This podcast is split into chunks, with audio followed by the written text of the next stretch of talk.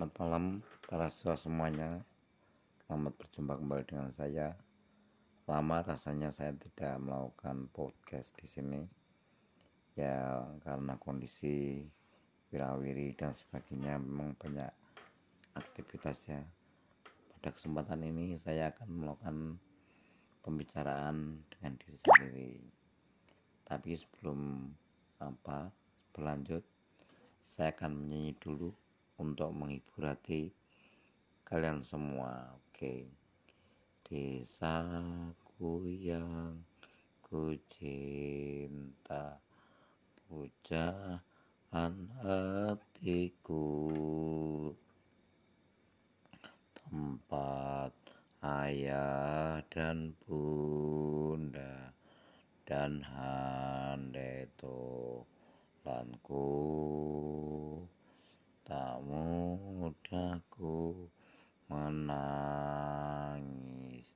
Tak mudah bernangis. Selalu ku rindukan desaku yang permai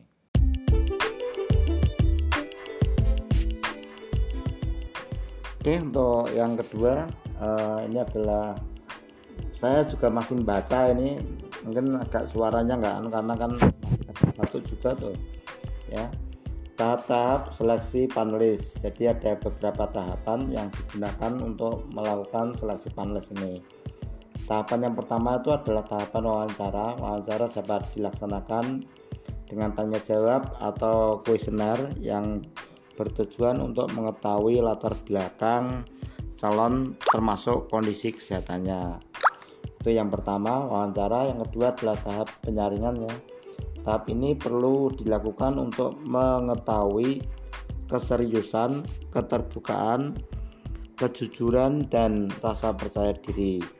Selain itu dapat dinilai pada tingkat kesantaian kepekaan uh, umum dan khusus serta pengetahuan umum calon panelis. Tahap penyaringan. Itu masih ada beberapa tahap. Ini saya apa namanya agak kasih jeda gitu biar nggak sepaneng ya kalian dalam mendengarin yang menjadi apa namanya podcast saya ini. Kemudian yang ketiga adalah tahap pemilihan. Tahap pemilihan. Pada tahap ini dilakukan beberapa uji sensori untuk mengetahui kemampuan seseorang. Dengan uji-uji ini diharapkan dapat terjaring informasi mengenai kepekaan dan pengetahuan mengenai komoditas bahan yang disajikan. Metode yang digunakan dalam pemilihan panelis ini dapat berdasarkan intuisi dan rasional. Namun umumnya dilakukan uji keterandalan panelis melalui analisis sekuensial dengan uji pasangan duo trio dan uji segitiga atau dengan uji rangsangan yang diterapkan lebih lanjut. Nah, kalau misalnya dalam tahap pemilihan ini kalau di apa diurai kembali apa yang saya bacain ini sudah apa mencium bau-bau statistik ya ada uji dua trio ada uji segitiga dan nanti ada apa nih analisis sekuensial jadi memang pelajaran ini kalau misalnya kalian uh, bahas ataupun rinci satu tim satu memasukkan uh, kemampuan berhitung berhitung data yang ada. Dan nanti dalam menganalisis pun demikian. Ini sangat penting kalau nanti kalian misalnya dalam apa ketika kelar dari sekolahan SMK mau kerja di perusahaan yang yang bagus yang keren itu ini pengetahuan-pengetahuan terhadap uh, statistik ataupun uji-uji gini tuh akan sangat membantu kalian mungkin masuk di bagian riset and development. Bagian yang menguji bagian yang melakukan apa namanya hipotesa-hipotesa terhadap uh, produk yang akan diproduksi ataupun yang sudah ada. Keberadaan tak apa keberadaan departemen seperti ini untuk uh, ke depannya ataupun untuk masa depan dari perusahaan sangat penting karena menyangkut uh, eksistensi karena kalau nggak di riset kita kan akan sangat me, apa, me, mengalami kendala-kendala gitu tuh. Kemudian yang berikutnya adalah tahap latihan. Tahap latihan ini bertujuan untuk pengenalan lebih lanjut sifat sensorik suatu komoditi dan meningkatkan kepekaan serta konsisten penilaian. Sebelum tahap latihan dimulai panelis perlu diberikan instruksi yang jelas mengenai uji yang akan dilakukan dan larangan yang disyaratkan seperti larangan untuk merokok, minum minuman keras, menggunakan parfum, dan lainnya. Lama dari intensitas latihan sangat tergantung pada jenis analisis dan jenis komoditas yang diuji.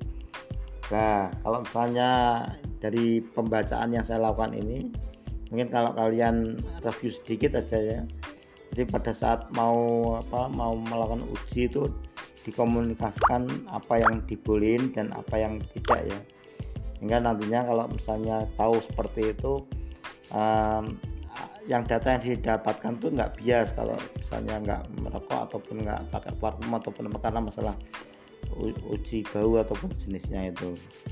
Itu kemudian pada tahap latihan ya tahap latihan terus kemudian tahap uji kemampuan setelah mendapatkan latihan yang cukup baik, peneliti diuji kemampuannya terhadap uh, baku atau standar tertentu dan dilaksanakan secara berulang-ulang sehingga kepekaan dan konsistensinya bertambah baik. Setelah melewati kelima tahap tersebut uh, di atas, maka penulis siap menjadi anggota panelis terlatih. Gitu ya ya memang tahap tahapannya menjadi panelis terlatih itu tidak tidak anu ya tidak mudah. Tapi ya ada tahap mungkin suatu saat kalian mungkin bisa menekuni bidang-bidang seperti ini ya. Ini kalau misalnya kalian mau ya mungkin ada semacam kursus ataupun diktat ataupun apa yang short apa short time untuk melakukan uh, istilahnya review lebih lanjut dengan keberadaan diktat-diktat ataupun materi yang lebih lengkap lagi terus setelah uh, itu tadi berikutnya tahap berikutnya adalah laboratorium pengujian untuk melakukan uji organoleptik dibutuhkan beberapa ruang yang terdiri dari bagian persiapan atau dapur, ruang pencicip, ruang tunggu atau ruang diskusi. Bagian dapur harus selalu bersih dan mempunyai sarana yang lengkap untuk uji organoleptik serta dilengkapi dengan ventilasi yang cukup. Ruang pencicip mempunyai persyaratan yang lebih banyak, yaitu ruangan yang terisolasi dan kedap suara sehingga dapat dihindarkan komunikasi antara panelis. Suhu ruangan yang sejuk yaitu jadi ruang sejuk itu ukurannya adalah 20 sampai dengan 25 derajat Celcius. Dengan kelembabannya apa berapa itu? 65 sampai 70 persen. Dan mempunyai sim, apa, sumber cahaya yang baik dan netral karena cahaya dapat mempengaruhi warna komoditas yang diuji. Itu dulu eh, yang bisa saya sampaikan. Nanti dilanjutkan setelah istirahat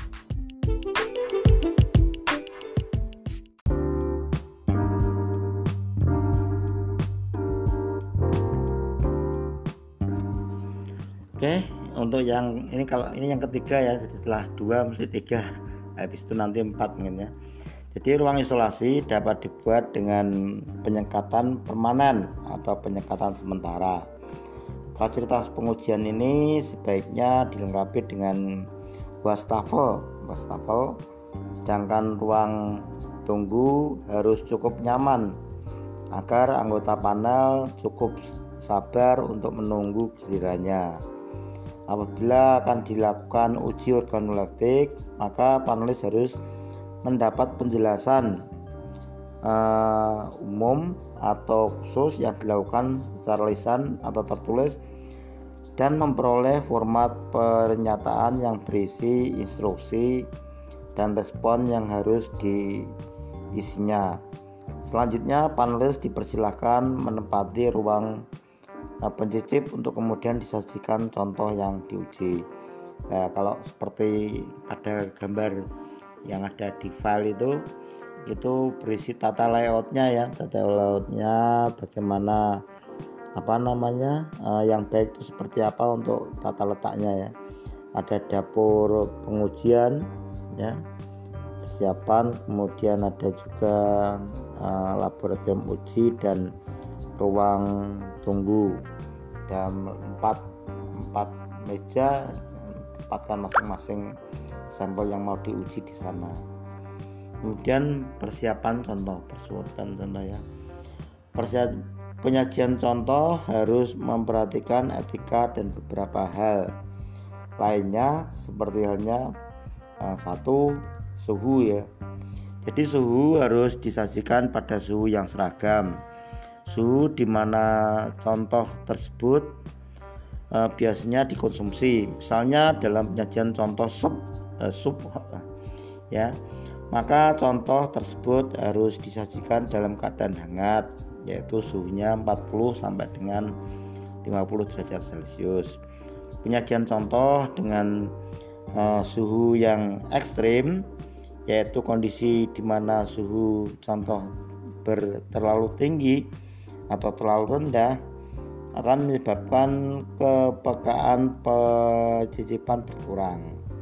Selain itu, suhu yang terlalu tinggi atau terlalu rendah akan mempengaruhi terhadap pengukuran aroma maupun flavornya.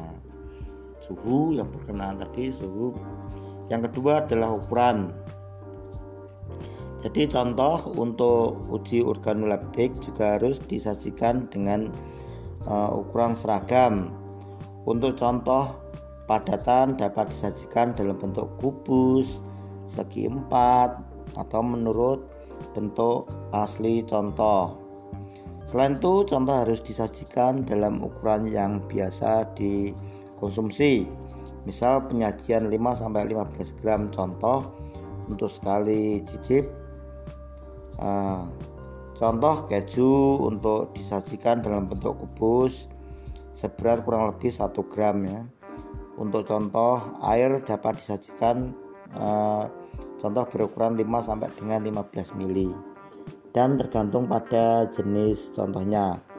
Apabila akan diambil contoh dari kemasan tertentu misalnya produk minuman kaleng ya itu perlu dilakukan pencampuran dan pengaduan contoh dari beberapa kaleng itu ukuran sudah ada suhu sudah ada ukuran. Yang ketiga adalah masalah kode. Kode ini masih berkutat pada pengambilan contoh kode. Jadi penamaan contoh harus dilakukan sedemikian rupa sehingga penulisan tidak dapat eh, apa penulis tidak dapat menebak ini contoh tersebut berdasarkan penamaannya untuk pemberian nama biasanya dilakukan tiga angka Arab atau lima huruf secara acak. Pemberian nama secara berurutan biasanya menimbulkan uh, menimbulkan bias. Karena panelis ternyata eh, terbawa untuk memberikan penilaian terbaik. Untuk contoh yang bernama kode awal satu atau A ya. Dan memberikan nilai terendah untuk contoh yang berkode akhir misalnya 3 atau C. Pada uh, suatu pemberian mata kode sampai 1 2 3 atau ABC itu jadi kode itu ditata sedemikian rupa sehingga tidak menimbulkan kebiasaan dan yang terakhir adalah jumlah contoh. Jadi pemberian contoh dalam setiap pengujian sangat tergantung pada jumlah uji yang dilakukan. Dalam uji pembedaan akan dihasilkan jumlah contoh yang lebih sedikit dari uji penerimaan. Selain itu kesulitan faktor yang akan diuji juga mempengaruhi jumlah contoh yang akan disajikan. Oke, mungkin itu dulu uh, persiapan atau apa tadi yang persiapan contoh ya. Ada beberapa hal kalau direview ada suhu, ada ukuran ada kode ada jumlah contoh. Itu yang ingin saya sampaikan. Nanti berikutnya setelah ini adalah faktor-faktor yang pengaruhi penilaian panelis. Ya nanti bisa dilihat ya di ataupun didengerin kalau yang males baca. Itu dulu terima kasih ya. Bye bye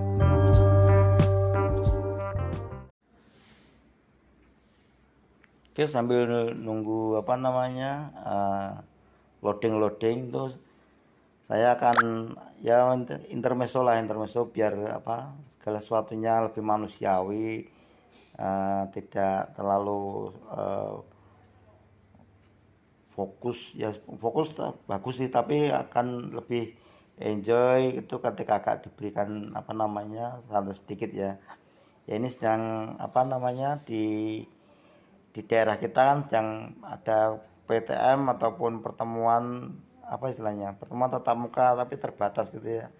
Ini ada cerita menarik ketika udah lama udah lama tidak ketemu dengan teman-teman tuh. Kalau misalnya ketika kondisi lama nggak bertemu mungkin lama nggak kenal dengan teman-teman ya. Yang ada kalau di ruang belajar itu mereka pada diem ya karena mah rame kan juga bingung tuh. Mereka mah bercanda bercanda opo karo anu nggak kenal sama temennya karena kan nembe ya mungkin. Tapi kalau misalnya udah berlama-lama ya mungkin kenal bercanda. Tapi kalau misalnya pada awal itu uh, kesukaannya karena nggak nggak apa namanya nggak terlalu kenal ataupun apa ya mungkin banyak diam-diamnya. Nah itu terus kemudian yang lebih menarik lagi ya ini tentang apa namanya orang awal-awal bersekolah setelah lama tidak bersekolah itu ya ya kadang-kadang uh, di antara siswa itu ada yang apa uh, punya bakat tersendiri. Seperti halnya kemarin tuh ternyata banyak yang ya satu karena nggak nggak terkontrol oleh orang tua banyak menekuni yang berkaitan dengan penjualan online-online atau menekuni hobi yang dianggapnya mungkin menarik ya.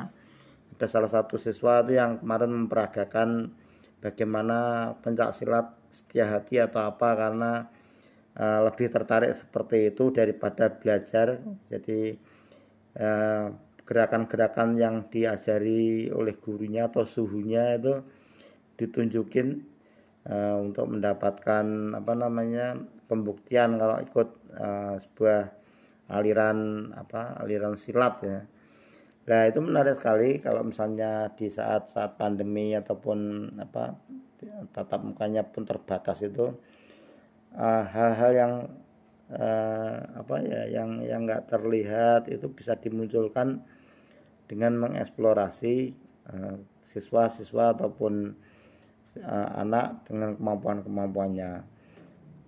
Pastikan mereka nanti kalau misalnya menunjukkan itu ada rasa kebanggaan tersendiri bahwa pada setiap apa dalam pertemuan itu ada hal yang bisa di sedang ditunjukin di delivery kepada teman-teman yang lain sehingga yang menjadi keinginannya untuk menekuni sebuah hobi atau keinginan tuh bisa terjalin dengan baik. Itu dulu ya. Bye bye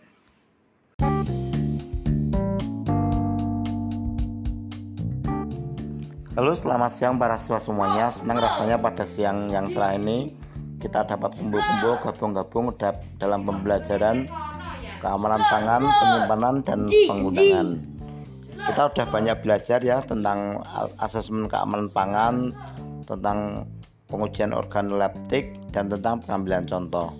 Tiga mata mata kompetensi itu mesti dikuasai dengan baik pada eh, keamanan pangan ini. Ya, pengujian organoleptik sering kali dikaitkan dengan rasa ya.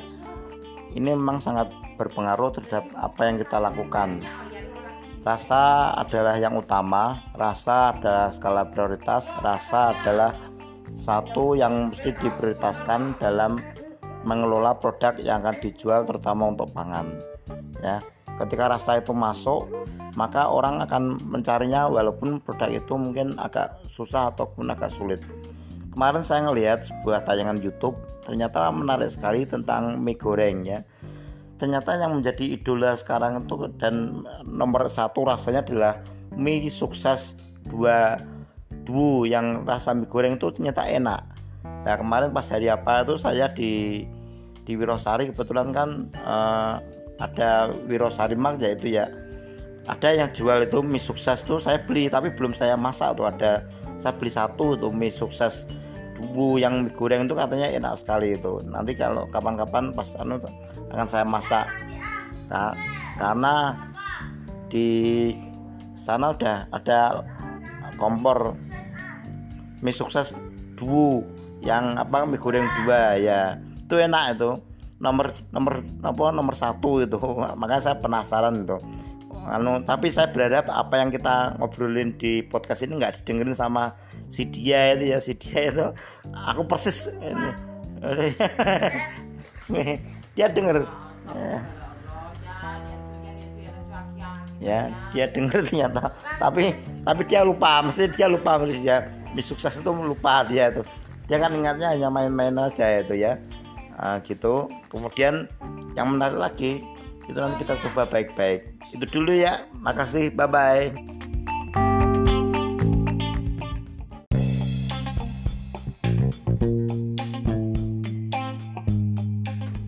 Selamat sore para siswa semuanya. Senang pak rasanya bisa ketemu dan gabung kalian pada hari ini pada Senin tanggal 13 September 2021 pada kesempatan ini saya Agus Budi eh, selaku guru di APHP akan mengkomunikasikan beberapa hal yang penting yang berkenaan dengan mata pelajaran yang saya ampu yaitu keamanan pangan eh, penyimpanan penggudangan dan dasar proses dan dasar penanganan bahan Ketiga mata pelajaran itu sangat menarik bagi saya sehingga saya belajar sungguh-sungguh sehingga mampu menceritakan kembali apa yang menjadi ide dasar dari ketiga mata pelajaran itu.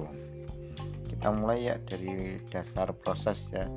Dasar proses pengolahan hasil pertanian. Ini adalah mata pelajaran yang menyangkut eh, konsep dasar prinsip dasar. Jadi pada awal pertemuan itu akan disajikan tentang konversi bahan. Konversi bahan di situ ada pengejaran ukuran ada emulsifikasi gitu tuh. Kemudian dilanjutkan dengan uh, pengendalian kandungan air pada bahan hasil pertanian. Jadi seperti itu kemudian setelah itu uh, penggunaan suhu pada penggunaan suhu pada pengolahan hasil pertanian. Sangat menarik sekali hanya saja memang harus banyak membaca itu untuk bisa apa uh, mengurai itu dengan baik memaparkan itu pada sisi-sisi yang lain yang mana nantinya akan baik pada hasil akhirnya terus kemudian yang berikutnya yang ingin Pak Gus sampaikan adalah udah dulu deh.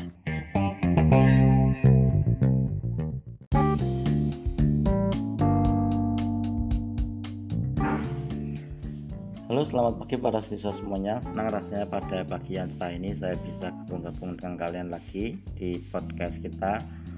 Pada kesempatan ini uh, saya akan mengumumkan bahwa nanti tanggal 15 sampai berapa ya sekitar seminggu lebih itu akan diadakan penilaian tengah semester. Jadi kalau kalian tahu ini untuk mengisi nilai pada tengah semester. Pada kesempatan ini Pak Guru hanya bisa mengkomunikasikan jadi tugas-tugas yang sudah Pak Guru share lewat uh, Google Classroom itu mohon bisa dicermati jadi kalau kalian sering kali mendapatkan nilai nol atau apa ya nol lah.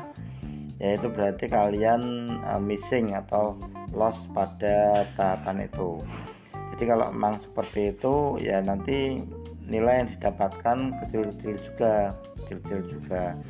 Nah ada baiknya uh, kalian mencermati pada pojok sebelah kanan saat kalian uh, menerima tugas dari apa Google Classroom itu kapan waktu terakhir untuk bisa ngerjainnya.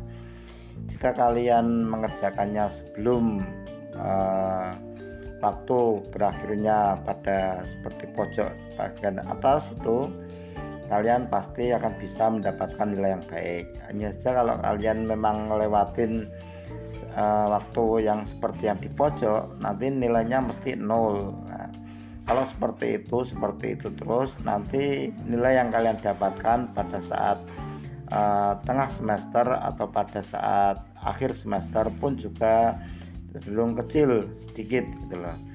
Nah inilah yang membuat Pak Guru harus memberikan eh, informasi-informasi uh, seperti ini pada kalian biar ke depannya kalian bisa lebih eh, hati-hati, uh, lebih bisa uh, jeli dalam mensikapi pembelajaran lewat Google Classroom tercinta kita. Dan yang lebih penting lagi, seberapapun kecil kalian mengerjakan tugas yang ada di Google Classroom, itu memberikan dampak positif terhadap uh, apa yang kalian dapatkan di kemudian hari jika memang apa namanya terbiasa abai terbiasa tidak apa mengerjakan tugas yang ada itu nantinya membuat segala sesuatunya uh, buyar di kemudian hari. Seperti halnya kita mau meningkatkan kapasitas diri kita ya. Jadi kalau misalnya ada keinginan seperti itu yang lebih penting adalah bagaimana kita membuat diri kita menjadi lebih bisa memahami yang ada jadi membuat potensi diri tinggi itu dengan membuat rendah hati jadi kalau kita rendah hati itu membuat apa potensi diri kita itu mampu menerima apa pun kondisi yang ada tapi kalau misalnya tidak rendah hati itu nanti ribet dan tidak bisa membuat segala sesuatunya jadi lebih baik.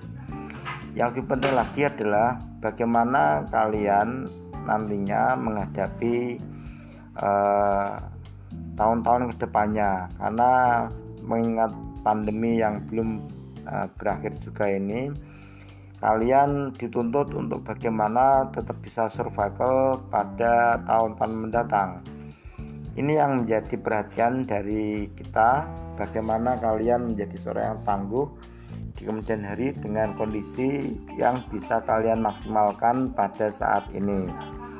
Inilah yang membuat uh, kami selaku guru di SMK ini bagaimana membuat kalian jauh lebih baik dengan uh, potensi-potensi yang telah kalian miliki selama ini.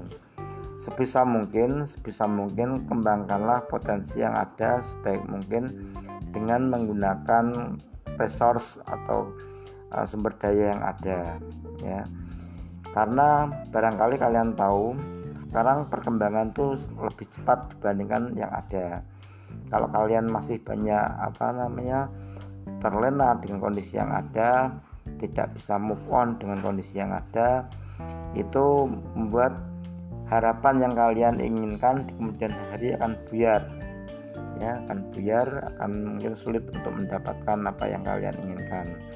Dan lebih penting lagi mulai sekarang direncanakan dengan baik strategi-strategi apa yang bisa kalian bangun untuk membangun cita-cita dan harapannya.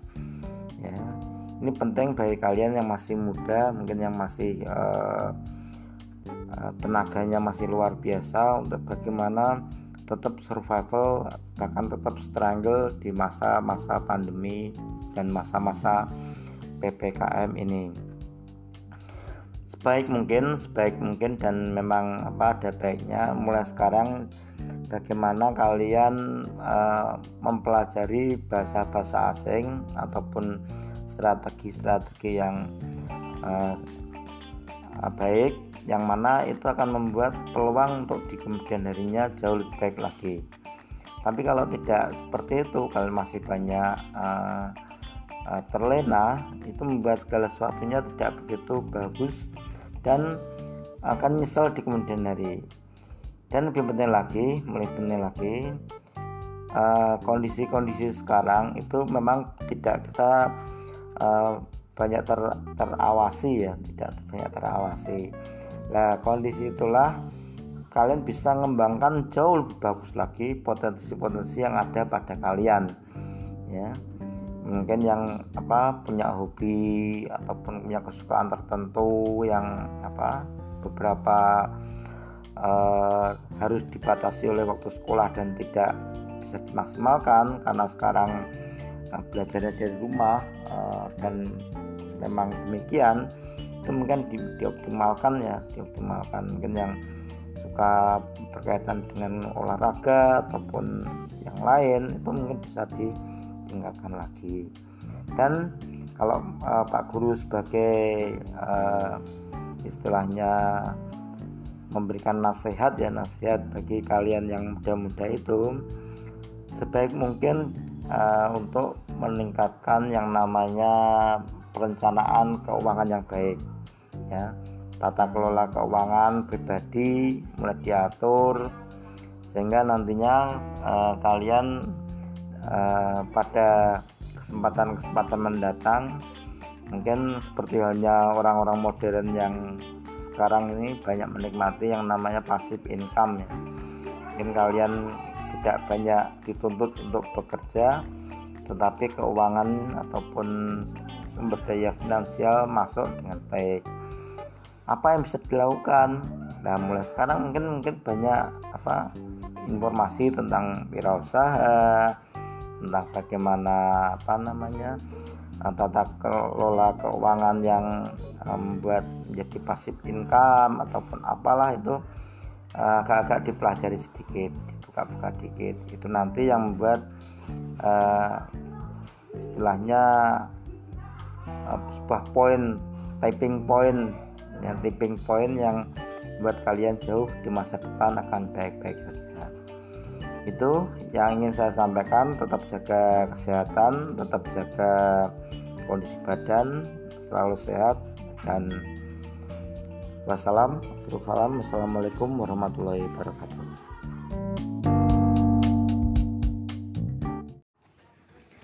Halo selamat pagi para pemirsa para siswa semuanya. Senang rasanya pada pagi yang cerah ini saya bisa gabung-gabung dengan kalian pada pembelajaran uh, dasar keamanan pangan ya.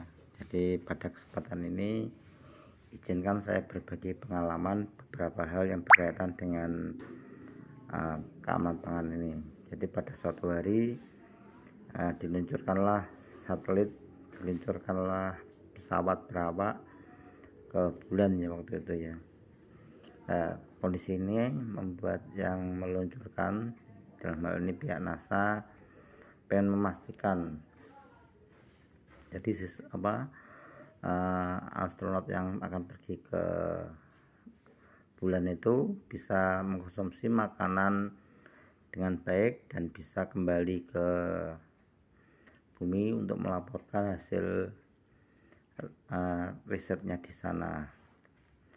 Nah kondisi ini membuat segalanya yang berkaitan dengan makanan tuh uh, diperhatikan, jangan sampai nanti pas sampai di sana uh, ada gangguan dengan perut ataupun pencernaan sehingga membuat uh, astronot yang bersangkutan sulit kembali ke bumi.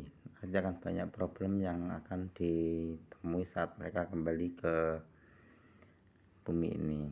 Nah itulah yang membuat mereka uh, paling tidak menciptakan sebuah sistem sehingga yang itu akan digunakan sebagai uh, prasyarat dalam memproduksi makanan. Sistem ini sungguh menarik sistem ini sangat uh, rumit tapi memang itulah yang dibutuhkan dalam membuat yang namanya pangan yang baik untuk uh, manusia ya. Karena memang prasyarat-prasyarat itu mengisyaratkan bagi yang mengkonsumsinya itu nanti tetap sehat bisa digunakan pada setiap harinya dan memiliki uh, apa syarat-syarat yang memenuhi untuk menjadikan sebagai makanan yang baik untuk kesehatan. Dan selanjutnya. Nanti setelah itu akan ada yang namanya uh, hama dan uh, hama dan penyakit atau hama dan penanggulangannya ya pada penyimpanan dan pengudangan itu dulu yang bisa saya sampaikan. Terima kasih. Bye bye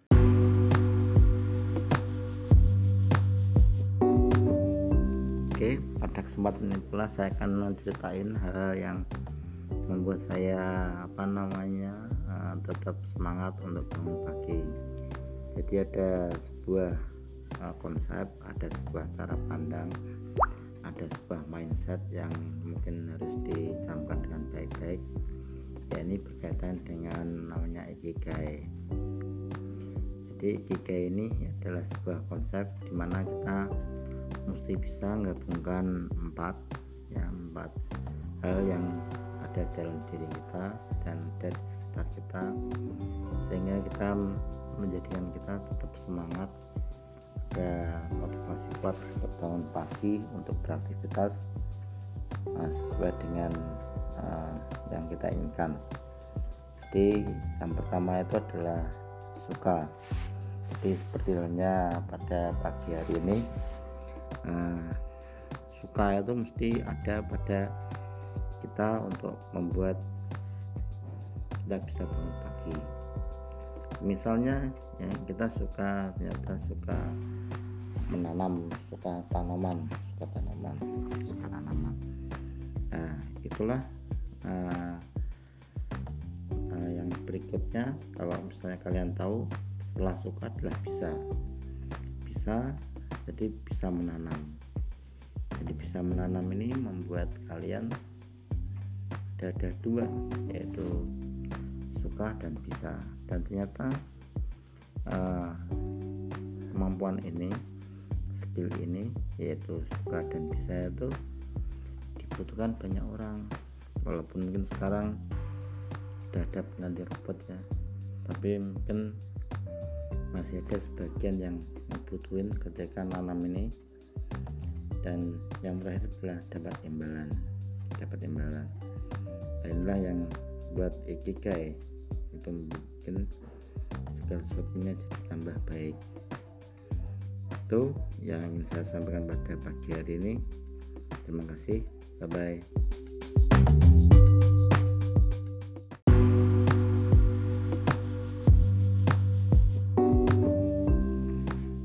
berikutnya yang ingin saya sampaikan berkenaan dengan kegiatan saya rencana pada pagi hari ini ya. Di hari ini saya kebetulan kerja W WFO, jadi saya ada di Wirasari. Hanya saja nanti sampai apa Senin ini ya, Selasa dan Rabu mungkin saya tidak karena kerja WFK, tapi untuk kuis dan jemaah saya kerja untuk WFO lagi ini menarik banget karena segala sesuatunya berkenaan dengan seperti ini uh, membuat kita sebagai yang menjadinya semangat ya semangat. Di kemudian hari bisa mencapai apa yang kita inginkan. Jadi uh, menarik banget ketika mengetahui banyak hal yang berkaitan dengan harapan keinginan ataupun cita-cita itu banyak yang mendukung. Hanya saja uh, ini memang harus dilakukan dengan sepenuh hati sesuai dengan uh, ikigai kita ikigai di tadi saya sempat uh, ngejelasin tentang ikigai yang berkaitan dengan apa suka kemudian bisa dibutuhkan uh, orang banyak dan terakhir adalah mendapatkan imbalan. Mungkin yang apa kita sampaikan pada hari ini. Ini sebaiknya kalau misalnya nanti dibuka itu kita bisa ngebuat ya. Misalnya soal-soal yang kemarin itu kita bikin sebuah kop. Nah kita bikin kop kemudian kita kirim kemudian kita bikin kayak semacam uh, bagaimana caranya agar SOP SOP yang ada itu bisa uh, disesuaikan di, dipenuhi. Itu penting mengingat apa yang terjadi dengan kondisi-kondisi yang sekarang ini. Terima kasih ya